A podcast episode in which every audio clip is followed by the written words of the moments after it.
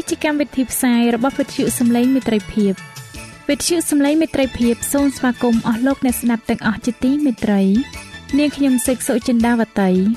ហើយខ្ញុំបាទអង្គច័ន្ទវិជ្ជៈក៏សូមស្វាគមន៍លោកអ្នកស្ដាប់ទាំងអស់ផងដែរនៅពេលនេះយើងខ្ញុំមានសេចក្តីសុំមនស្សរីករាយដោយបានវិលមកជួបអស់លោកអ្នកនាងកញ្ញាអ្នកស្ដាប់សាជាថ្មីម្ដងទៀត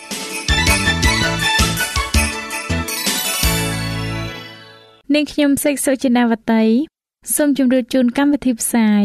ដែលមានជាបន្តបន្ទាប់ដូចតទៅនេតិជួបជាមួយព្រះបន្ទូលនេតិស្ពានជីវិត ចា៎លោកអ្នកស្ដាប់ជាទីមេត្រី នាងខ្ញុំសូមគោរពអញ្ជើញអស់លោកលោកស្រី អ្នកនាងកញ្ញាតាមដានស្ដាប់កម្មវិធីផ្សាយរបស់វិទ្យុយើងខ្ញុំដូចតទៅ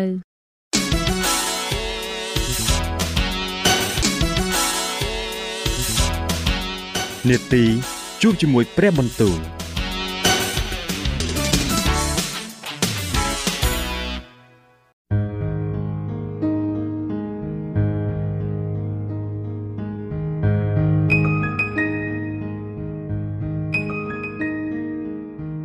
ចា៎អស់លោកអ្នកស្ដាប់ជាទីមេត្រី ជាដំបូងនាងខ្ញុំសូមអញ្ជើញលោកអ្នកនាងស្ដាប់នេតិជួបជាមួយព្រះបន្ទូលនេតិនេះនឹងលើកយកព្រះបន្ទូល ពីព្រះគម្ពីរទំនុកដង្កើងដែលនឹងជម្រាបជូនដល់លោកអង្គច័ន្ទវិជ្ជៈដូចតទៅ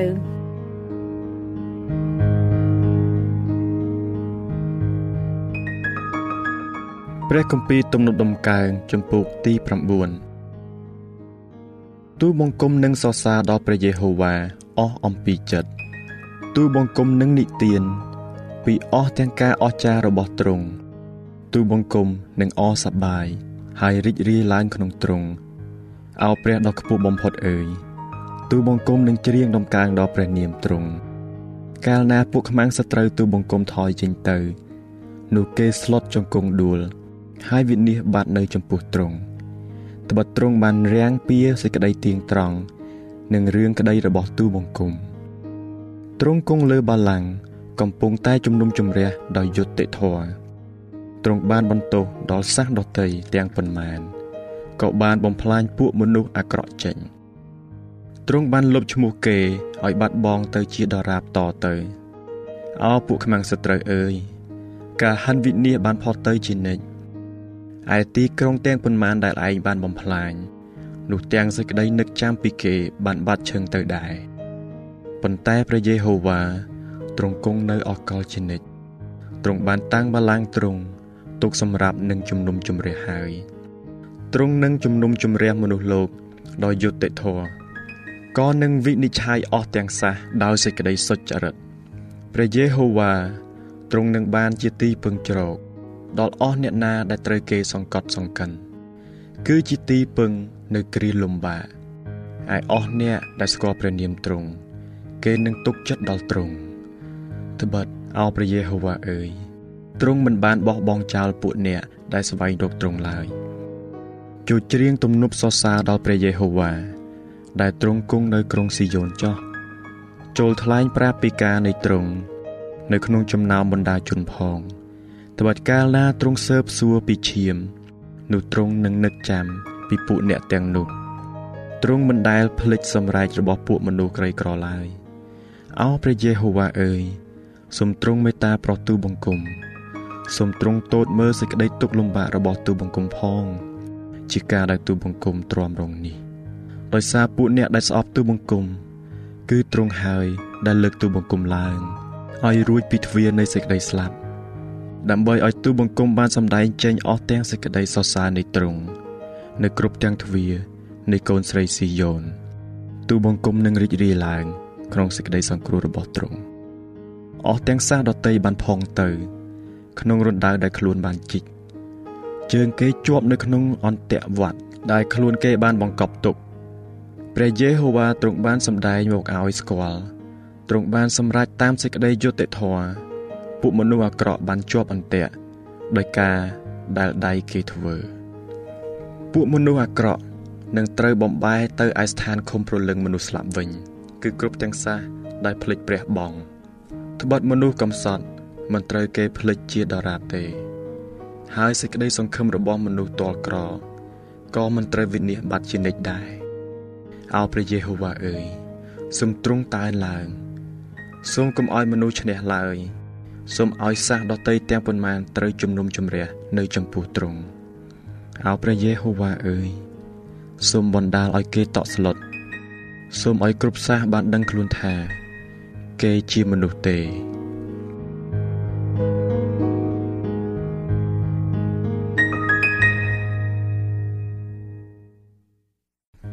ព្រះគម្ពីរទំនុកដំកើងចំពោះទី10អោព្រះយេហូវ៉ាអើយហេតុអ្វីបានជាទ្រង់គង់នៅឆ្ងាយម្លេះហេតុអ្វីបានជាទ្រង់ពួនព្រះអង្គនៅគ្រាដែលមានសេចក្តីទុក្ខលំបាកដូច្នេះមនុស្សអាក្រក់គេបៀតបៀនដល់មនុស្សក្រីក្រ ដោយសេចក្តីឆ្មាំងឆ្មៃសូមឲ្យគេជាប់នៅក្នុងឧបាយដែលគេបង្កើតនោះត្បិតមនុស្សអាក្រក់ គេអួតពីបំណងក្នុងចិត្តគេឯមនុស្សលោភក៏លះបង់ព្រះយេហូវ៉ាអើគេមើងងាយដល់ទ្រង់ផង មនុស្សអាក្រក់ពោលដោយរឹកអំនួតរបស់ខ្លួនគេថាព្រះទ្រង់នឹងមិនធ្វើទោសទេឯអស់ទាំងគំនិតរបស់គេ នោះតែងគិតថាគ្មានព្រះណាសោះអស់ទាំងផ្លូវរបស់គេសុទ្ធតែលំបាកជាដរាបហើយអស់ទាំងច្បាប់របស់ទ្រង់ នោះខ្ពស់ហួសពីភ្នែកគេ គេក៏បូនមាត់លក់លើយឲ្យពួកអ្នកដែលតតាំងនឹងគេ គេនឹកក្នុងចិត្តថាអញនឹងមិនត្រូវរង្គើឡើយក៏មិនត្រូវអន្តរាយដល់រាបដល់អស់ទាំងដំណំមនុស្សតទៅមាត់គេពេញដោយពាក្យជេរប្រមាថព្រមទាំងសេចក្តីបញ្ឆោត និងសេចក្តីកំណាចផង នៅក្រោមអណ្ដាតគេ មានសុទ្ធតែកិច្ចកល និងសេចក្តីទុច្ចរិតគេអង្គុយនៅអស់ទាំងទីលោបចាំនៃភូមិទាំងប៉ុន្មាន នៅត្រង់កន្លែងស្ងាត់កំបាំងនោះគេសម្លាប់មនុស្សជាមនុស្សដែលឥតមានទោសភ្នែកគេរំពៃមើលមនុស្សទុរគតគេឆ្លប់លោបនៅទីសម្ងាត់ដូចជាសឹងនៅក្នុងរូងគេលោបចាំចាប់មនុស្សក្រីក្រក៏ចាប់មនុស្សក្រនោះ ក្នុងការដែលទាញគេមកក្នុងម៉ង គេបំព្រួញខ្លួនឲ្យអោនចោះនោះមនុស្សទុរគត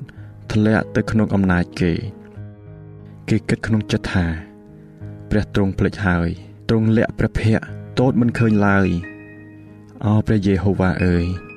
សូមទ្រង់ក្រោកឡើងអោព្រះអើយសូមលើកព្រះហស្ថទ្រង់ឡើងសូមកុំភ្លេចមនុស្សក្រលំបាកឡើយហេតុអ្វីបានជាមនុស្សអាក្រក់ គេមើងងាយដល់ព្រះ ហើយគិតក្នុងចិត្តថា ទ្រង់មិនធ្វើទោសទេដូច្នេះទ្រង់បានតតឃើញហើយត្បិតទ្រង់តតឃើញកិច្ចកលនិងសេចក្តីរំលោភដើម្បីនឹងសងគេដោយព្រះហស្ថទ្រង់មនុស្សទុរគតគេផ្ញើខ្លួននឹងទ្រង់ត្បិតទ្រង់បានធ្វើជាអ្នកជំនួយ ដល់មនុស្សកំព្រាសូមទ្រង់បំបាក់ដៃនៃមនុស្សអាក្រក់ឯមនុស្សពីលនោះសូមរកអស់ទាំងការអាក្រក់របស់គេទាល់តែមិនឃើញមានទៀត ព្រះយេហូវ៉ាទ្រង់ជាព្រះមហាក្សត្រដ៏គង់នៅអកលជានិច្ចអស់ទាំងសាសដតីបានសូនបាត់ចេញពីផែនដីរបស់ទ្រង់ហើយអោព្រះយេហូវ៉ាអើយទ្រង់បានស្ដាប់សេចក្តីបំណងរបស់មនុស្សរៀបទៀបទ្រង់នឹងតាំងចិត្តគេឲ្យមាំមួន ហើយនឹងផ្ទៀងប្រការទ្រង់ស្ដាប់ផង ដើម្បីនឹងកាត់សេចក្តីឲ្យមនុស្សកំព្រា និងមនុស្សដែលត្រូវគេសង្កត់សង្កិនប្រយោជន៍ឲ្យមនុស្សដែលកើតពីដីមក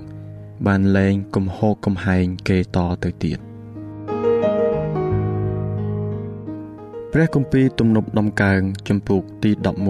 11ខ្ញុំយកព្រះយេហូវ៉ាជាទីពឹងជ្រកធ្វើដូចម្ដេចឲ្យអ្នកបាននិយាយនឹងខ្ញុំថា ចូលរត់ទៅឯភ្នំរបស់ឯងដូចជាសត្វហើចោះត្បិតមើលពួកមនុស្សអាក្រក់គេយឺធ្នូគេដំឡើងព្រួយនៅជាប់នឹងខ្សែ ដើម្បីបាញ់ពីទីងងឹតចំអស់អ្នកដែលមានចិត្តទៀងត្រង់បើសិនជាគោលប្រធានត្រូវបំផ្លាញនោះតើមនុស្សសុចរិតនឹងអាចធ្វើអ្វីបានព្រះយេហូវ៉ាទ្រង់គង់ក្នុងព្រះវិហារបរិសុទ្ធរបស់ទ្រង់ឯបាឡាំងនៃព្រះយេហូវ៉ានោះនៅលើស្ថានសួគ៌ព្រះនេត្រទ្រង់ទតមើលត្របកព្រះនេត្រទ្រង់ពិចារណាមើលមនុស្សជាតិទាំងឡាយព្រះយេហូវ៉ា ទ្រង់លបងលោមនុស្សសុចរិតតែទ្រង់មានព្រះハរតីស្អប់ដល់មនុស្សអាក្រក់និងពួកអ្នកដែលចូលចិត្តខាងសេចក្តីច្រឡោតវិញទ្រង់នឹងបង្អុលឲ្យភ្លៀងជាអន្ទាក់មកលើមនុស្សអាក្រក់គឺជាភ្លើងឆេះនិងស្ពាន់ធွာហើយខ្យល់ក្តៅក្រហាយនោះនឹងបានជាចំណែកក្នុងពែងរបស់គេត្បិតព្រះយេហូវ៉ាទ្រង់សុចរិតទ្រង់ក៏ស្រឡាញ់សេចក្តីសុចរិតដែរ មនុស្សទៀងត្រង់នឹងបានឃើញព្រះភ័ក្ត្រទ្រង់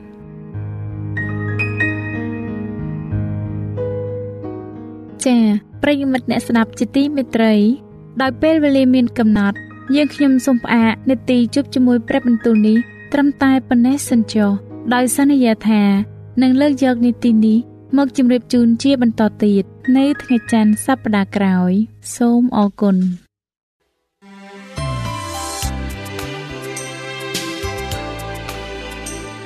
វិទ្យុសំឡេងមេត្រីភាព AWR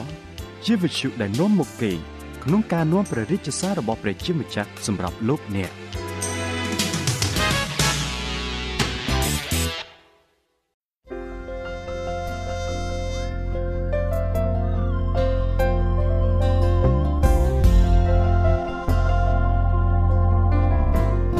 ចា៎ជាបន្តទៅទៀតនាងខ្ញុំសូមគោរពអញ្ជើញអស់លោកអ្នកតាមដានស្ដាប់នេតិ ស្ពានជីវិត ដែលនឹងជម្រាបជូនដល់លោកហងទុនហៀបដូចតទៅ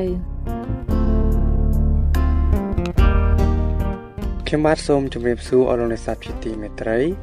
សូមឲ្យលោកអ្នកបានប្រកបដោយព្រះគុណនិងសេចក្តីសុខសាន្តពីព្រះវរបិតានៃយើង និងពីព្រះអម្ចាស់យេស៊ូវគ្រីស្ទខ្ញុំបាទមានអំណរណាស់ដែលបានវិលមកជួបលោកអ្នកនៅក្នុងនីតិស្ពានជីវិតនេះសាជាថ្មីម្ដងទៀត ហើយនៅថ្ងៃនេះខ្ញុំបាទសូមលើកយកមេរៀនទី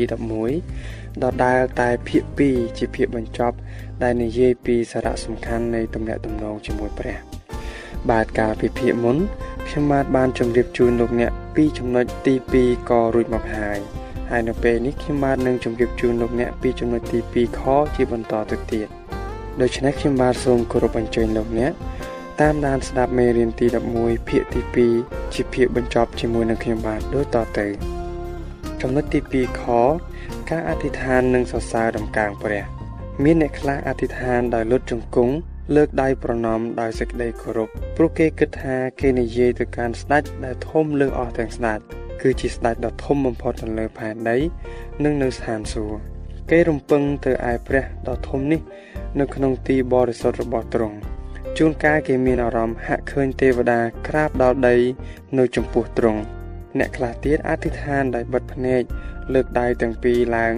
ជានិមិត្តរូបនៃការប្រគល់ខ្លួនប្រាណគេដោយមានទំនុកចិត្តយ៉ាងរឹងមាំលើសេចក្តីស្រឡាញ់របស់ទ្រង់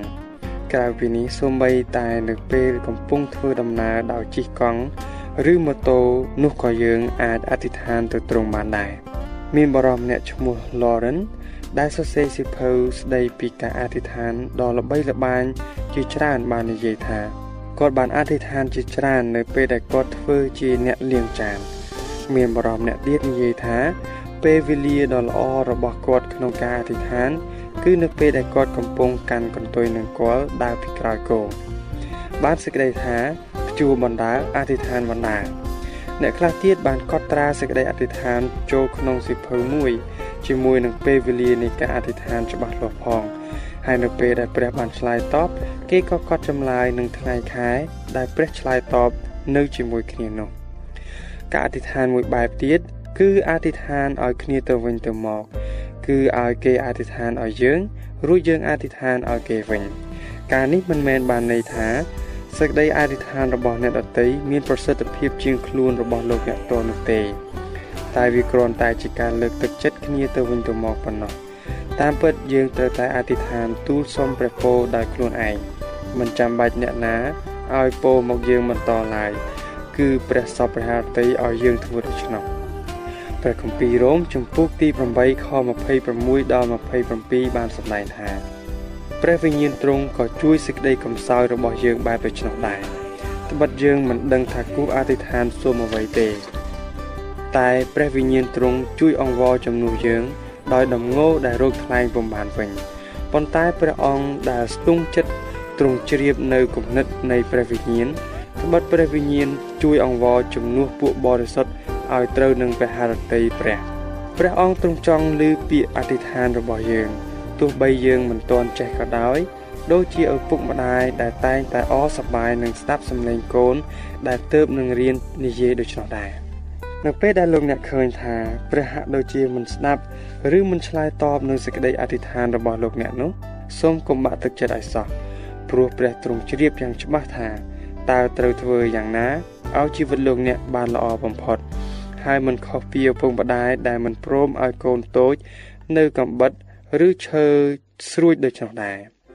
ហើយជួនកាលទ្រង់មិនឆ្លើយតបព្រោះយើងនៅមានបាបបង្កប់ក្នុងចិត្តនៅឡើយ ហើយទ្រង់ចង់ឲ្យយើងបោះបង់ចោលអំពើបាបនោះជាមុនសិនព្រះគម្ពីរយ៉ាកុបជំពូកទី5ខ16បានសរសេរទុកមកថាដូច្នេះចូលឲ្យអ្នករាល់គ្នាលន់តួទោសនឹងគ្នា ហើយអធិដ្ឋានឲ្យគ្នាទៅវិញទៅមក ដើម្បីឲ្យបានជាចុះត្បិតសេចក្តីទូលអង្វរដ៏អស់ពីចិត្តរបស់មនុស្សសុចរិតពូកែណាស់ដូច្នេះទោះជាយ៉ាងណាក៏ដោយសូមលោកអ្នកបន្តការអធិដ្ឋានដោយបន្ទាបខ្លួនកុំឈប់ឈរឡើយ ព្រមទាំងឲ្យស្របតាមព្រះハរតីទ្រង់ផងសេចក្តីអធិដ្ឋានសំខាន់ដូចជាការដែលយើងដកដង្ហើមដូច្នោះដែរព្រោះបើយើងមិនដកដង្ហើមចេញចូលទេ យើងនឹងត្រូវស្លាប់ខាងរូបកាយហើយបើយើងមិនបានអធិដ្ឋានទៅព្រះនោះ គឺយើងក៏ត្រូវស្លាប់ខាងឯព្រលឹងវិញ្ញាណដែរសេចក្តីអធិដ្ឋាន គឺការទូលសូមនឹងអរព្រគុណដល់ទ្រង់ចំណុចទី2កោពឹងព្រះវិញ្ញាណបរិសុទ្ធ នៅពេលដែលយើងសិក្សាព្រះគម្ពីរនិងអធិដ្ឋាន គឺយើងបានអនុញ្ញាតឲ្យព្រះវិញ្ញាណមកគង់ក្នុងជីវិតយើងហើយគឺហាក់ដូចជាភ្ជាប់មេឃទៅនឹងគល់ដើម្បីឲ្យទឹកនិងជីជាតិអាចរត់ចេញចូលតាំងពីគល់រហូតដល់ស្លឹកធ្វើឲ្យមានផ្លែផ្កាឡើងព្រះវិញ្ញាណបរិសុទ្ធក៏ជាព្រះដែរព្រះគម្ពីរបានបង្រៀនថា មានព្រះបីអង្គដែលរួមគ្នាតែមួយ ជាពិសេសក្នុងការស្រឡាញ់ដល់មនុស្សលោក ព្រះទាំងបីអង្គនោះ មិនដែលមានប្រតិខុសគ្នាត្រង់ចំណុចណាមួយឡើយនៅពេលអធិដ្ឋានយើងអធិដ្ឋានទៅព្រះវរបិតាតែយើងសូមឲ្យព្រះវិញ្ញាណបរិសុទ្ធបំពេញជីវិតយើងរួចយើងសូមតាមរយៈព្រះនាមព្រះយេស៊ូវគ្រីស្ទវិញដើម្បីឲ្យងាយយល់អំពីព្រះបីអង្គរួមគ្នាតែមួយនោះ យើងយកខ្សែពួរមួយមកធ្វើជាឧទាហរណ៍ខ្សែពួរនោះកើតឡើងដោយខ្សែតូចតូច3ធ្លុងតែបើយើងចងអ្វីមួយ គឺយើងហៅថាពួរ តែជួនកាលធ្លុងទាំង3នៃខ្សែពួរអាចរលាចេញពីគ្នា តែប្រវោបិតាព្រះរាជបុត្រានិងព្រះវិញ្ញាណបរិសុទ្ធមិនដែលលាចេញពីគ្នាឡើយនៅពេលដែលយើងសូមឲ្យព្រះវិញ្ញាណបរិសុទ្ធគង់នៅក្នុងជីវិតយើង គឺយើងធ្វើឲ្យចិត្តយើងនៅចិត្តនឹងព្រះស្រឡាញ់ទ្រង់និងអាចដើរតាមទ្រង់ព្រោះទ្រង់ដូចជាទឹកដែលបំបត្តិការស្រេករបស់យើង និងទ្រទ្រង់ជីវិតយើង ទ្រង់បានបំពេញសេចក្តីត្រូវការរបស់យើងដោយសេចក្តីស្រឡាញ់និងការការពារទ្រង់បានជួយឲ្យយើងអាចធ្វើបន្ទាល់ពីទ្រង់និងសេចក្តីស្រឡាញ់ដល់អ្នកដទៃផងទ្រង់បានកែជីវិតយើងឡើង ដូចជាយកឈើហូបដ៏គម្រាំងមួយ មកអាឈូសធ្វើជាផ្ទះថ្មីមួយខ្នងយ៉ាងស្អាតដូច្នោះដែរដូច្នេះយើងបានឃើញហើយថា ការចំណាយពេលតាក់ទងជាមួយនឹងព្រះជាការមួយដែលមានសារៈសំខាន់បំផុត ប៉ុន្តែជួនកាលយើងក៏ពិបាកនឹងរកពេលដើម្បីនឹងធ្វើការនេះ ដោយរវល់នឹងការងារប្រចាំថ្ងៃ ដើម្បីចិញ្ចឹមគ្រួសារឬការសិក្សារៀនសូត្រឡាប៉ុន្តែព្រះបានមានបន្ទូលនៅក្នុងព្រះគម្ពីរទំនុកដំកើងជំពូកទី46ខ10ថាចូលបងអង្គសិនឲ្យបានដឹងថាអញជាព្រះអញនឹងបានថ្កើងឡើង នៅកណ្ដាលពោះសាសដតីអញនឹងបានថ្កើងឡើងនៅផែនដី ទ្រង់ដឹងថាឥឡូវនេះយើងខ្វាយខ្វល់អំពីជីវិតជើងជាងទ្រង់តែទ្រង់ដឹងផងដែរថាតាមពិតជីវិតជើងត្រូវការទ្រង់ជាងអ្វីៗទាំងអស់តើលោកអ្នកត្រូវការពេលវេលាណាដើម្បីបរិភោគសម្រាកនិងដកដង្ហើមឬទេពិតប្រកបជាត្រូវការពីព្រោះលោកអ្នកយល់ថាការទាំងនោះជាការសំខាន់ចុះតើលោកអ្នកយល់ថាទំនាក់ទំនងជាមួយព្រះដែលផ្ដល់ជីវិតអស់កលជូនលោកអ្នកនោះ សំខាន់ជាងការអ្វីៗទាំងអស់ក្នុងជីវិតលោកអ្នកដែរឬទេ បើលោកអ្នកយល់ថាសំខាន់មែនសូមញែកពេលដើម្បីតាក់ទងជាមួយនឹងត្រង់ចុះប្រសិនបើលោកអ្នកគិតថាលោកអ្នកគ្មានពេលទេនោះសូមពិនិត្យមើលឡើងវិញនៅការចំណាយពេលវេលារបស់លោកអ្នកបើឃើញថាការងារណាមិនសូវសំខាន់ដូចជាការដើរលេងជជែកគ្នាលេង ឬមើលទូរទស្សន៍ជាដើមនោះលោកអ្នកគួរកាត់បន្ថយពេលវេលាទាំងនោះ មកចំណាយជាមួយព្រះវិញជាការប្រសើរជាងប្រសិនបើគេបញ្ចាំងវីដេអូពីររឿងនៅពេលដំណើរគ្នា ហើយល្អមើលដូចគ្នា ដោយមួយនិយាយភាសាខ្មែរនិងមួយទៀតនិយាយភាសាបរទេសដែលលោកអ្នកស្ដាប់មិនបានតើលោកអ្នកនឹងមើលមួយណាពិតប្រកបជាមិនចំណាយពេលឥតប្រយោជន៍ជាមួយនឹងរឿងដែលនិយាយស្ដាប់មិនបាននោះឡើយចុះការចំណាយពេលវេលាជាមួយព្រះ ដើម្បីឲ្យបានជីវិតអស់កលនិងការចំណាយពេលផ្សេងផ្សេងរបស់លោកអ្នកដែលពេលខ្លះនាំទាំងផលអាក្រក់មកឲ្យលោកអ្នកវិញផងនោះតើលោកអ្នកយកមួយណាកុំថាឡើយជីវិតអស់កលសូម្បីតែបាយកកនិងបាយក្តៅនោះលោកអ្នកប្រកាសជាយកបាយក្តៅទៅហើយដូច្នេះការចំណាយពេលវេលាជាមួយនឹងព្រះក្នុងទំនាក់ទំនងឲ្យបានជិតស្និទ្ធជាមួយទ្រង់នោះជាការប្រសើរលើសការចំណាយពេលធ្វើអ្វីៗទាំងអស់ក្នុងជីវិតរបស់លោកអ្នក ព្រះគម្ពីរយេរេមៀជំពូកទី29ខ12ដល់ខ13បានសម្ដែងទុកមកថានោះឯងរកគ្នានឹងអំពាវនាវដល់អញហើយនឹងទៅអធិដ្ឋានដល់អញរួចអញនឹងយល់ព្រមតាមឯឯងរកគ្នានឹងស្វែងរកអញហើយនឹងឃើញផង គឺកាលណាស្វែងរកអញអស់ពីចិត្តបានសេចក្តីថាបើលោកអ្នកស្វែងរកទ្រង់ដោយការសិក្សាព្រះគម្ពីរនិងអធិដ្ឋានឲ្យបានទៀងទាត់លោកអ្នកនឹងបានឃើញទ្រង់ ហើយលោកអ្នកនឹងនៅជាមួយនឹងទ្រង់គឺលោកអ្នកមានជីវិតអស់កលជានិច្ចការអធិដ្ឋាន គឺជាទំនាក់ទំនងរវាងយើងនិងព្រះ គឺយើងត្រូវទូលដល់ទ្រង់នឹងរឿងរ៉ាវទាំងឡាយឬសូមដល់ទ្រង់តាមរយៈការអធិដ្ឋាននេះយើងគួរអធិដ្ឋានតាមចំណុចធំធំខាងក្រោមទី1អធិដ្ឋានសរសើរដំកើងគឺយើងសរសើរទ្រង់ពីការអស្ចារ្យនិងភាពឧត្តមឧត្តមរបស់ទ្រង់ទី2អធិដ្ឋានលន់ទួទោ សសូមឲ្យទ្រង់អត់ទោសដល់យើង និងប្រទាននៅអំណាចនៃការអត់ទោសនេះដល់យើង ដើម្បីឲ្យយើងចេះអត់ទោសដល់អ្នកដទៃព្រះគម្ពីរទំនុកដំកើងចំពូកទី139ខ23អោព្រះអង្គអើយសូមពិនិត្យមើលឲ្យបានស្គាល់ចិត្តទូបង្គំនិងសូមលបងលោឲ្យបានជ្រាបអស់ទាំងគំនិតនៃទូបង្គំ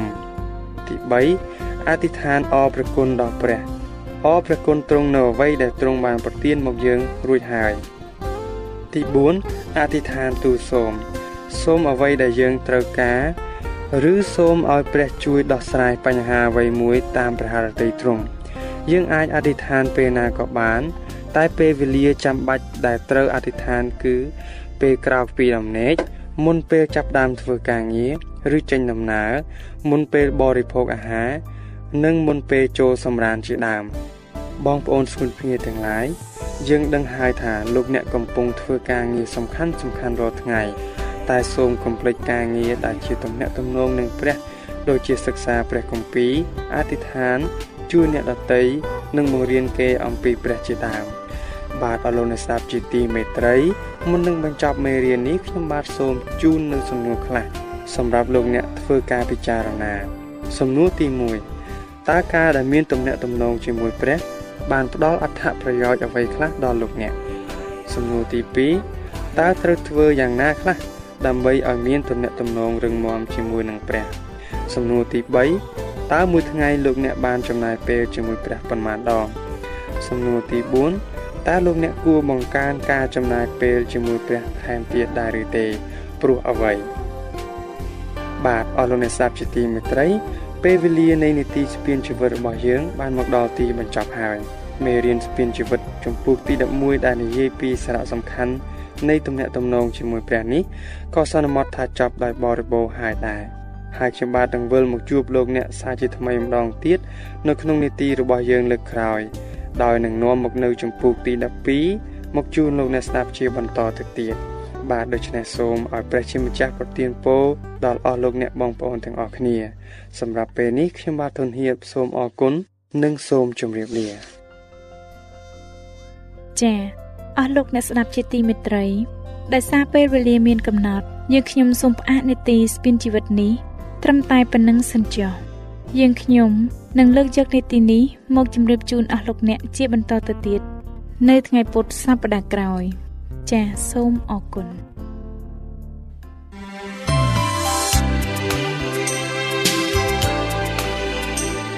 វិទ្យុសំឡេងមេត្រីភាព AWR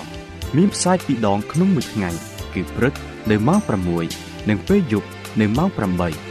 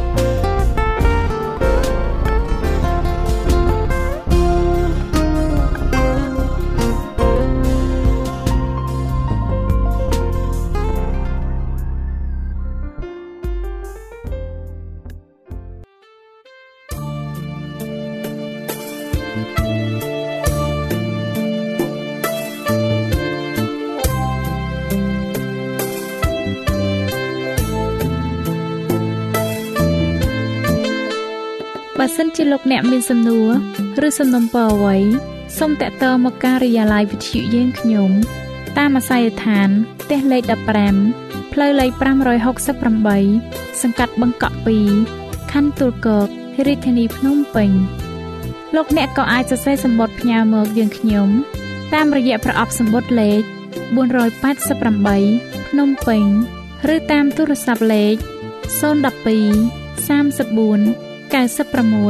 64ឬ097 80 81 060ឬក៏តាមរយៈអ៊ីមែល vol@awr.org យើងខ្ញុំរងចាំទទួលស្វាគមន៍អស់លោកអ្នកនាងដោយក្តីសោមនស្សរីករាយហើយលោកអ្នកក៏អាចស្ដាប់កម្មវិធីនេះឡើងវិញដោយចូលទៅកាន់ website របស់វិទ្យុយើងខ្ញុំ តាមរយៈអាស័យដ្ឋាន www.awr.org